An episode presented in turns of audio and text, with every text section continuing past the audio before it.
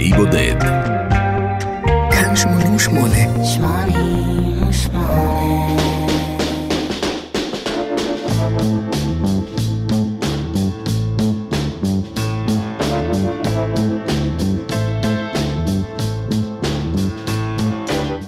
אפשר לטעון ש Psychocandy הוא אלבום של טריק אחד, וטריק אחד בלבד.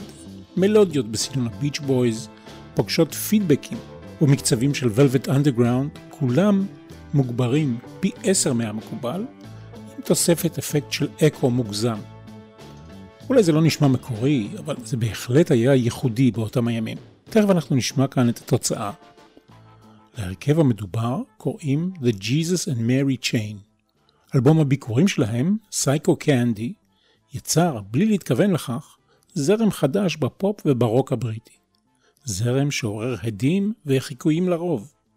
הרצועות הטובות ביותר באלבום הזה היו גם אנטי פופ וגם פופ טהור בעת ובעונה אחת. וכל זה קורה בסקוטלנד. The Jesus and Mary Chain הם להקת רוק אלטרנטיבי סקוטית שהוקמה באיסט קילברייד ב-1983. הציר המרכזי שלה סבב סביב שני אחים שגם כתבו את השירים, ג'ים וויליאם ריד. הם שני המייסדים והחברים הקבועים היחידים בלהקה הזאת מאז הקמתה. הם מוכרים כדמויות מפתח בפיתוח שני תת-ז'אנרים, אחד shoegaze והשני noise pop. noise pop זה די ברור, לא? שילוב של noise ופופ. shoegaze זה שילוב של שירה שטבועה בתוך ערפל מוזיקלי, distortion, אפקטים ועוצמה חזקה במיוחד. אבל למה אני מלעיט אתכם עכשיו בהגדרות טכניות? בואו נעבור על המוזיקה. כאמור, אלבום בכורה של The Jesus and Mary Chain שנקרא Psychocandy. השנה היא 1985, ותעשו לי טובה אישית, אל תפחדו מרוק אלטרנטיבי, זה לא כואב. בכל זאת, חלפו להם כבר כמה עשרות שנים. אני מנחם גרנית, ואני מאחל לכולנו הפלגה נעימה.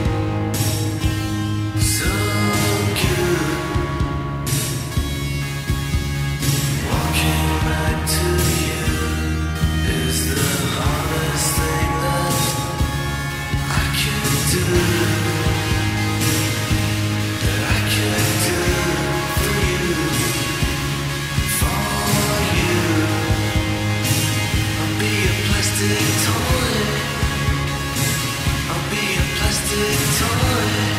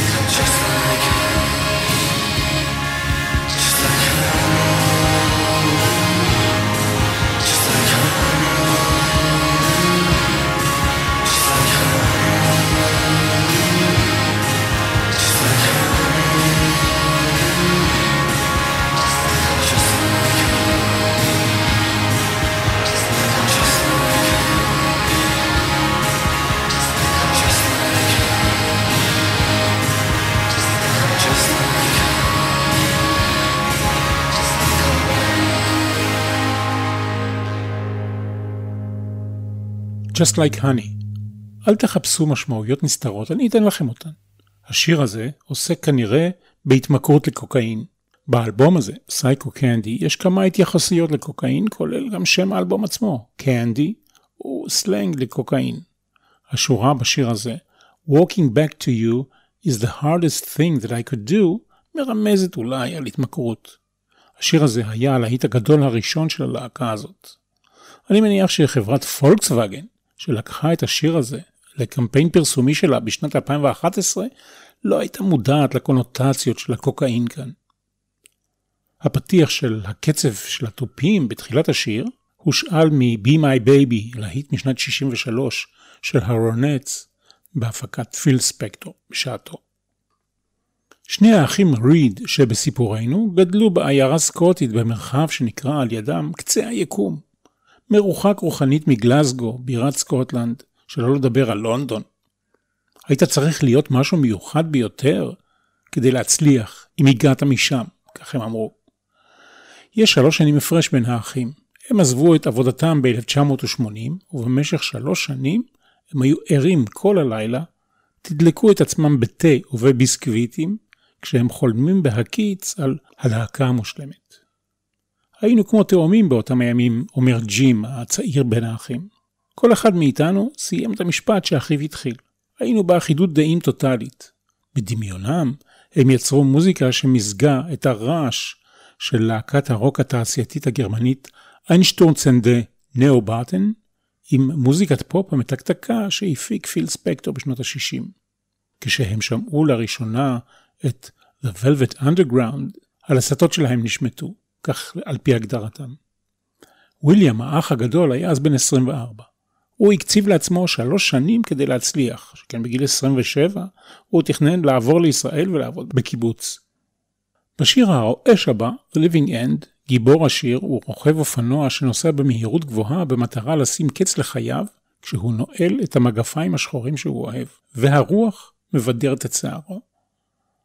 סופו שהוא אכן מתנגש בעץ, בשיר לפחות, כן? בכך, השיר סיפור הזה מזכיר את שירי האסונות של שנות החמישים בעולם הפופ, ואת Leader of the Pack של השאנגרי לאז משנות ה-60, שגם הוא מסתיים בתאונת אופנוע. Jesus and Mary Chain ציינו תמיד את השאנגרי לאז כלהקה שהשפיעה עליהם.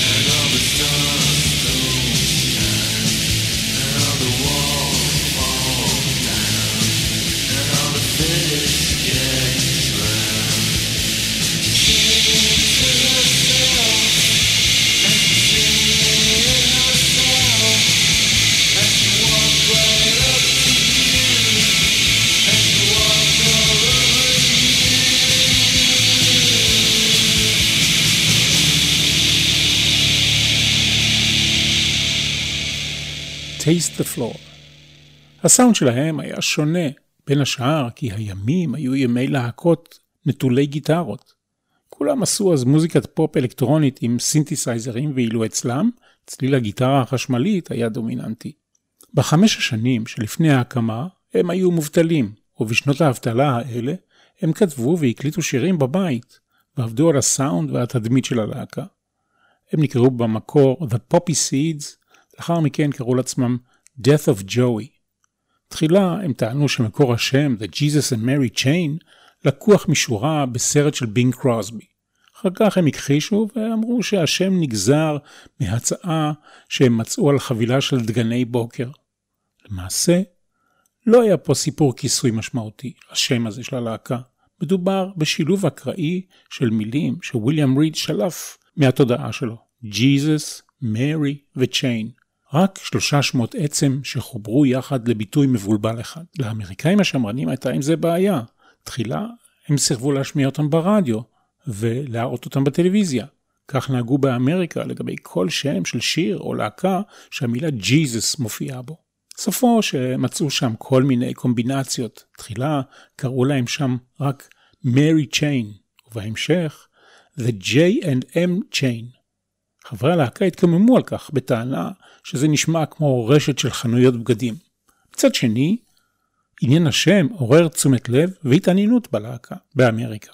מכיוון שאף אחד מהאחים לא רצה להיות הזמר הסולן, הם הטילו מטבע, והזוכה או המפסיד, תלוי איך מסתכלים על זה, היה הצעיר שבחבורה, ג'ים ריד, והוא שר סולו כמעט בכל השירים. The hardest walk. I never thought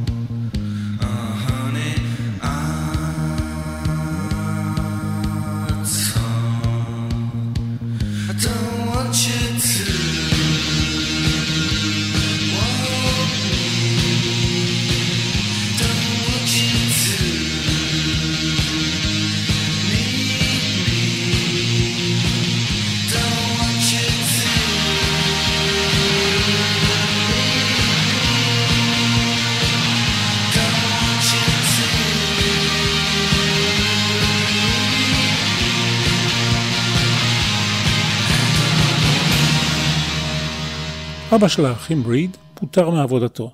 בכספי פיצויי פיטורין הוא קנה לילדיו מכונת הקלטה ניידת תמורת 300 פאונד, ועליו הם הקליטו את כל השירים הראשונים שהם כתבו.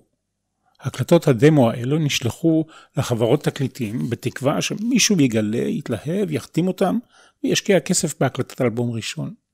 בינתיים הם גייסו נגן בס ומתופף והחלו להופיע לפני קהל.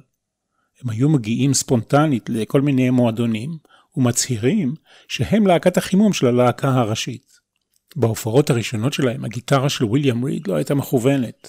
למתופף הייתה מערכת תופים של שני תופים בלבד, ובגיטרה של נגן הבאס היו רק שני מיתרים. במילותיו של הארט, נגן הבאס דאז, אלה השניים שבהם אני משתמש, מה הטעם לבזבז כסף על עוד שניים? שני מיתרים זה מספיק. הם ניגנו לפני קהלים קטנים, הופעות קצרות מאוד, שנמשכו 15 עד 25 דקות. הם ניגנו עם הגב לקהל וסירבו לדבר או לתקשר איתו. במהלך הופעה במרץ 1985, הקהל השליך בקבוקים על הבמה, בעוד החברים עצמם מסתתרים בחדר ההלבשה. ובעיתונות דיווחו שהתחוללה מהומה רבתי. העיתון היומי הידוע כצהוב ושערורייתי, The Sun, פרסם כתבה על הלהקה שהפכה אותם להרכב שעניינו אלימות וסמים. פתאום המוניטין של הלהקה יצא משליטה. אחרי זה סיפר אחד האחים, היית צריך לבוא להופעה עם מחבט בייסבול כדי להגן על עצמך. היינו צריכים לעבוד קשה מאוד כדי לשנות את התדמית הזו.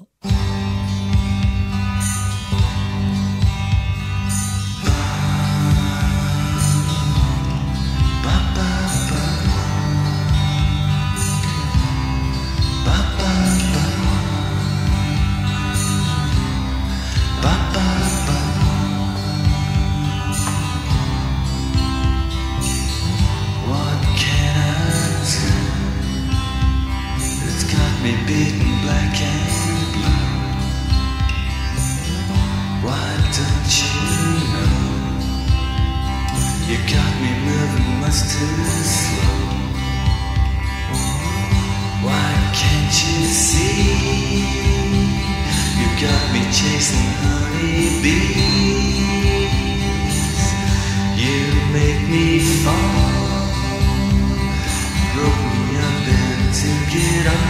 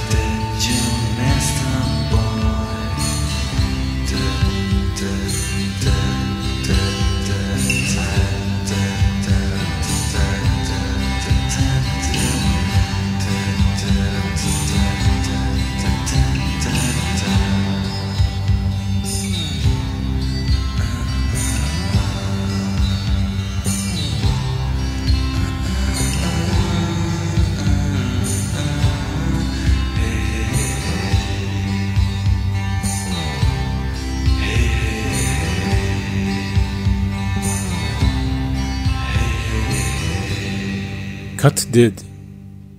האלימות בהופעות הראשונות של The Jesus and Mary Chain החלה עד מהרה להפוך למכשול עבור הלהקה. חלק מהקהל היה מגיע להופעות בגלל האלימות ולא בשביל המוזיקה. ויליאם ריד אמר, אני שונא את זה, זה מפריע לנו לקבל עוד הופעות, זה פוגע בתדמית שלנו. הופעות רבות בוטלו במהלך אותה השנה, שנת 1985. אמרגנים או מועצות מקומיות לא היו מוכנים לקחת סיכון, האלימות התלקחה שוב בהופעה באולם בקמדן טאון בספטמבר של אותה שנה.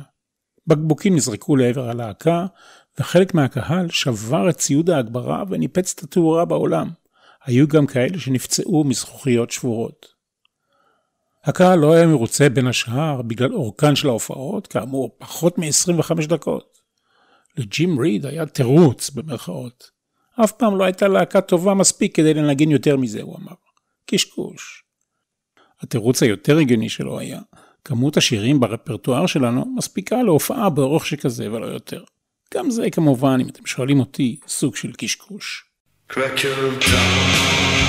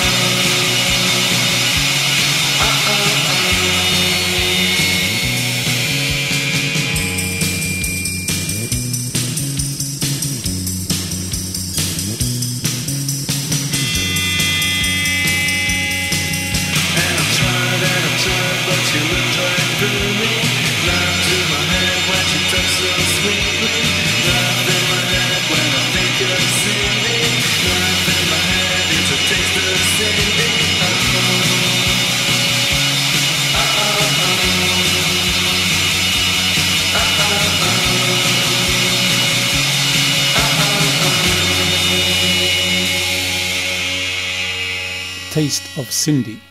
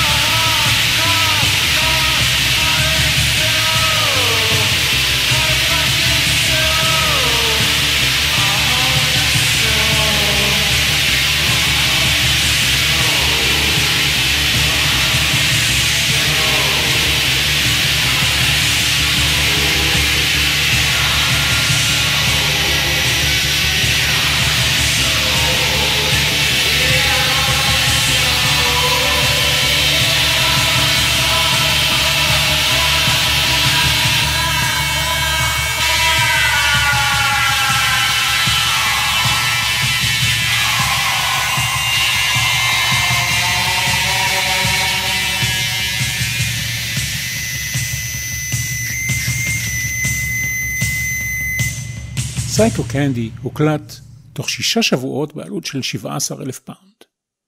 יש בו 14 שירים באלבום, שירים קצרצרים, המוזיקה תוארה כ bubblegum pop שטובע בים של אקו.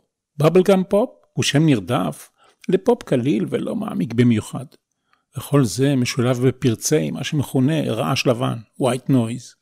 מבקרים ציינו את ההשפעה של להקות פופ קלאסיות משנות ה-60 כמו ביץ' בויז, רולינג סטונס, לצד השפעות של רוק אלטרנטיבי כמו הסטוג'ז של איגי פופ והוולבט אנדרגראונד כמובן. הם נודעו כסנובים, כאלה שמחשיבים את עצמם. הם התנהלו ככאלה כדי לעורר תשומת לב ולרגש, ובעצם גם כדי להסתיר את הביישנות שלהם.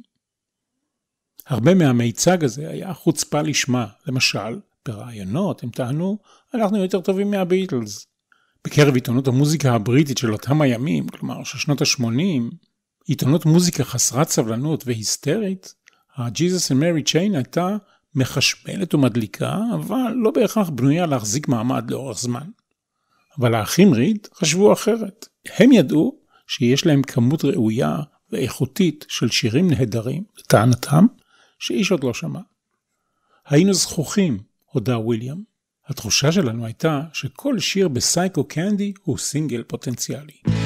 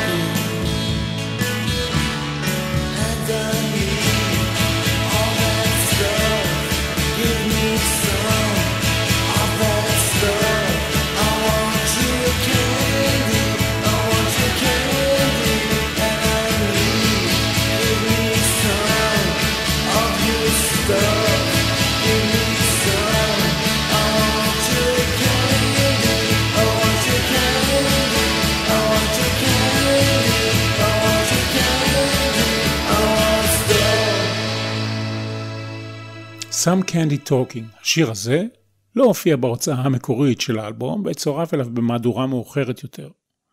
השיר הזה התפרש בטעות כשיר שעוסק בשימוש בהרואין. שדרן ב-BBC הבריטי עשה מזה עניין והשיר הזה הוחרם ולא הושמע בתחנות הרדיו החשובות בבריטניה. גם שיר בשם סייקו קנדי כשם האלבום לא נכלל בהדפסה המקורית וראה אור בהוצאות מאוחרות יותר. התדמית של Jesus and Mary Chain, תדמית של שיכורים ומסוממים, לא התיישבה עם המציאות במהלך הקלטת האלבום. החבר'ה השתדלו וגם הצליחו לשמור על ראש נקי במהלך ההקלטות. הם היו פיקחים לחלוטין. אכלנו המבורגרים ושתינו תה, הרבה תה, ולא ספידים ואלכוהול, כך הם העידו על עצמם. הכאוס לכאורה של הצלילים הפך לקוריאוגרפיה קפדנית. הם דגמו רעש לבן ופידבק במינונים הראויים ושילבו אותם אל תוך התערובת, דהיינו אל תוך המיקס של השירים. וכך השכילו להשלים הקלטת אלבום שלם בשישה שבועות. לא שלא היו חילוקי דעות מוזיקליים, היו גם היו, ואלה נפתרו לעיתים באגרופים. היה אפילו מקרה שג'ים הטיח את אחיו וויליאם אל דלת האולפן בעוצמה שכזו, שהדלת ירדה מהצירים שלה. ב-1998 שני האחים הלכו מכות על הבמה במהלך הופעה בלוס אנג'לס. הם לא דיברו במשך שנה אחרי זה ולא הופיעו יחד במשך עשר שנים כמעט. מופע האיחוד הראשון שלהם, אחרי כל הסיפור הזה, היה בפסטיבל קוצ'לה ב-2007, שבו הצטרפה אליהם השחקנית האמריקנית היהודייה סקארלט ג'והנסון, והיא שרה איתם על הבמה את Just Like Honey, שיר ששותף במקור בפסקול של אחד מהסרטים שלה. כשהם נשאלים איך מערכת היחסים ביניהם כיום, הם אומרים כך: זה מסובך, אנחנו סובלים אחד את השני. כשאנחנו פיקחים, אנחנו מצליחים לתקשר. אם תכניס טיפה של אלכוהול למשוואה, יכול להישפך פה דם. שימו לב, השיר הבא היה הסינגל הראשון של The Jesus and Mary Chain מתוך האלבום הזה. הוא נקרא Never Understand. ובאמת, קשה להבין.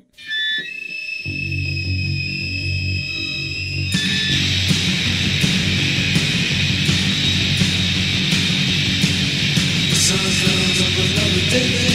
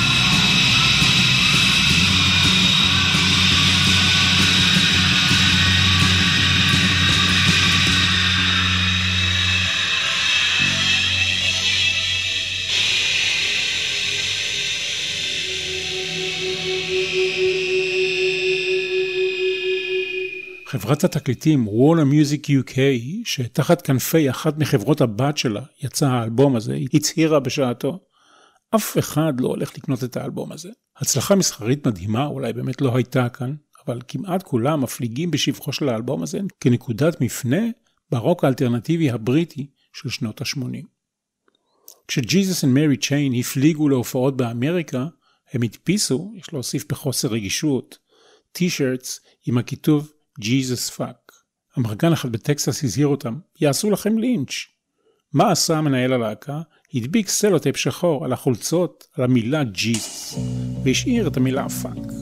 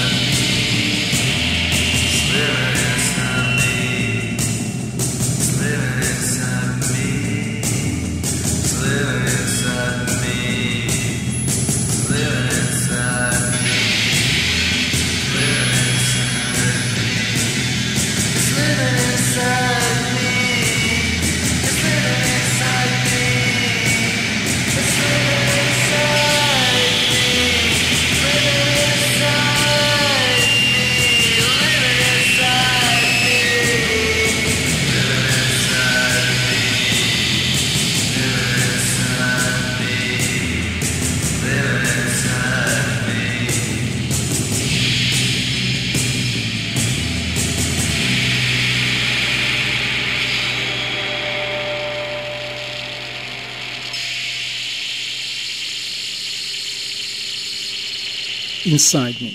גדלנו בעיירה קטנה בשם איסט קילברייד, ולא היה שם מה לעשות. לא היו שם הרבה הופעות חיות, מספר אחד האחים. אם רצית לראות הופעה, היית אמור לנסוע לגלזגו, ואחרי הופעה לשבור את הראש, איך אתה לעזאזל חוזר הביתה? היינו די עניים אז. יצאנו לבלות רק כשהייתה לנו קצת עבודה. העיסוק העיקרי שלנו באותם הימים מתמצא בקניית תקליטים, או השאלה של תקליטים מחברים. שמענו את הסטוג'ז, את טי-רקס, ופאנק רוק, ומה שהלהיב אותנו במיוחד היו ה-Velvet Underground. מכאן נבעה הכוונה שלנו להקים להקה. ומכאן באו השירים וההקלטות והתמימות והמחשבה שהם יוכלו להופיע עם השירים מהאלבום הזה למשל באיצטדיון ומבלי.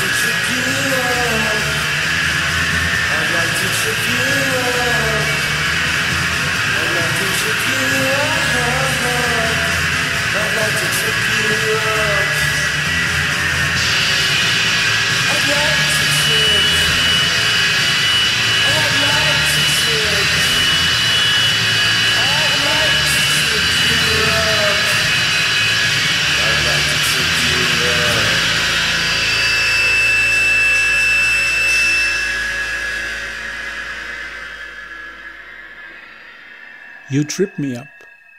האח הצעיר, הסולן, ג'ים ריד, חי בדבון שבדרום האי הבריטי, עם אשתו ג'ולי ושתי בנותיו, קנדי וסימון. האח הגדול, ויליאם, גיטריסט ומחבר השירים העיקרי, חי בלוס אנג'לס. כשבנו בכורו שואל אותו איך הכל התחיל, הוא אומר שהוא לא יודע. זה היה נס, ויכול היה להיות אחרת לגמרי. עד כאן אלבום להיבודד עם The Jesus and Mary Chain ואלבום הבכורה שלהם, סייקו קנדי, שראה אור בנובמבר 1985. אני מנחם גרנית, מאחל לכם כל טוב.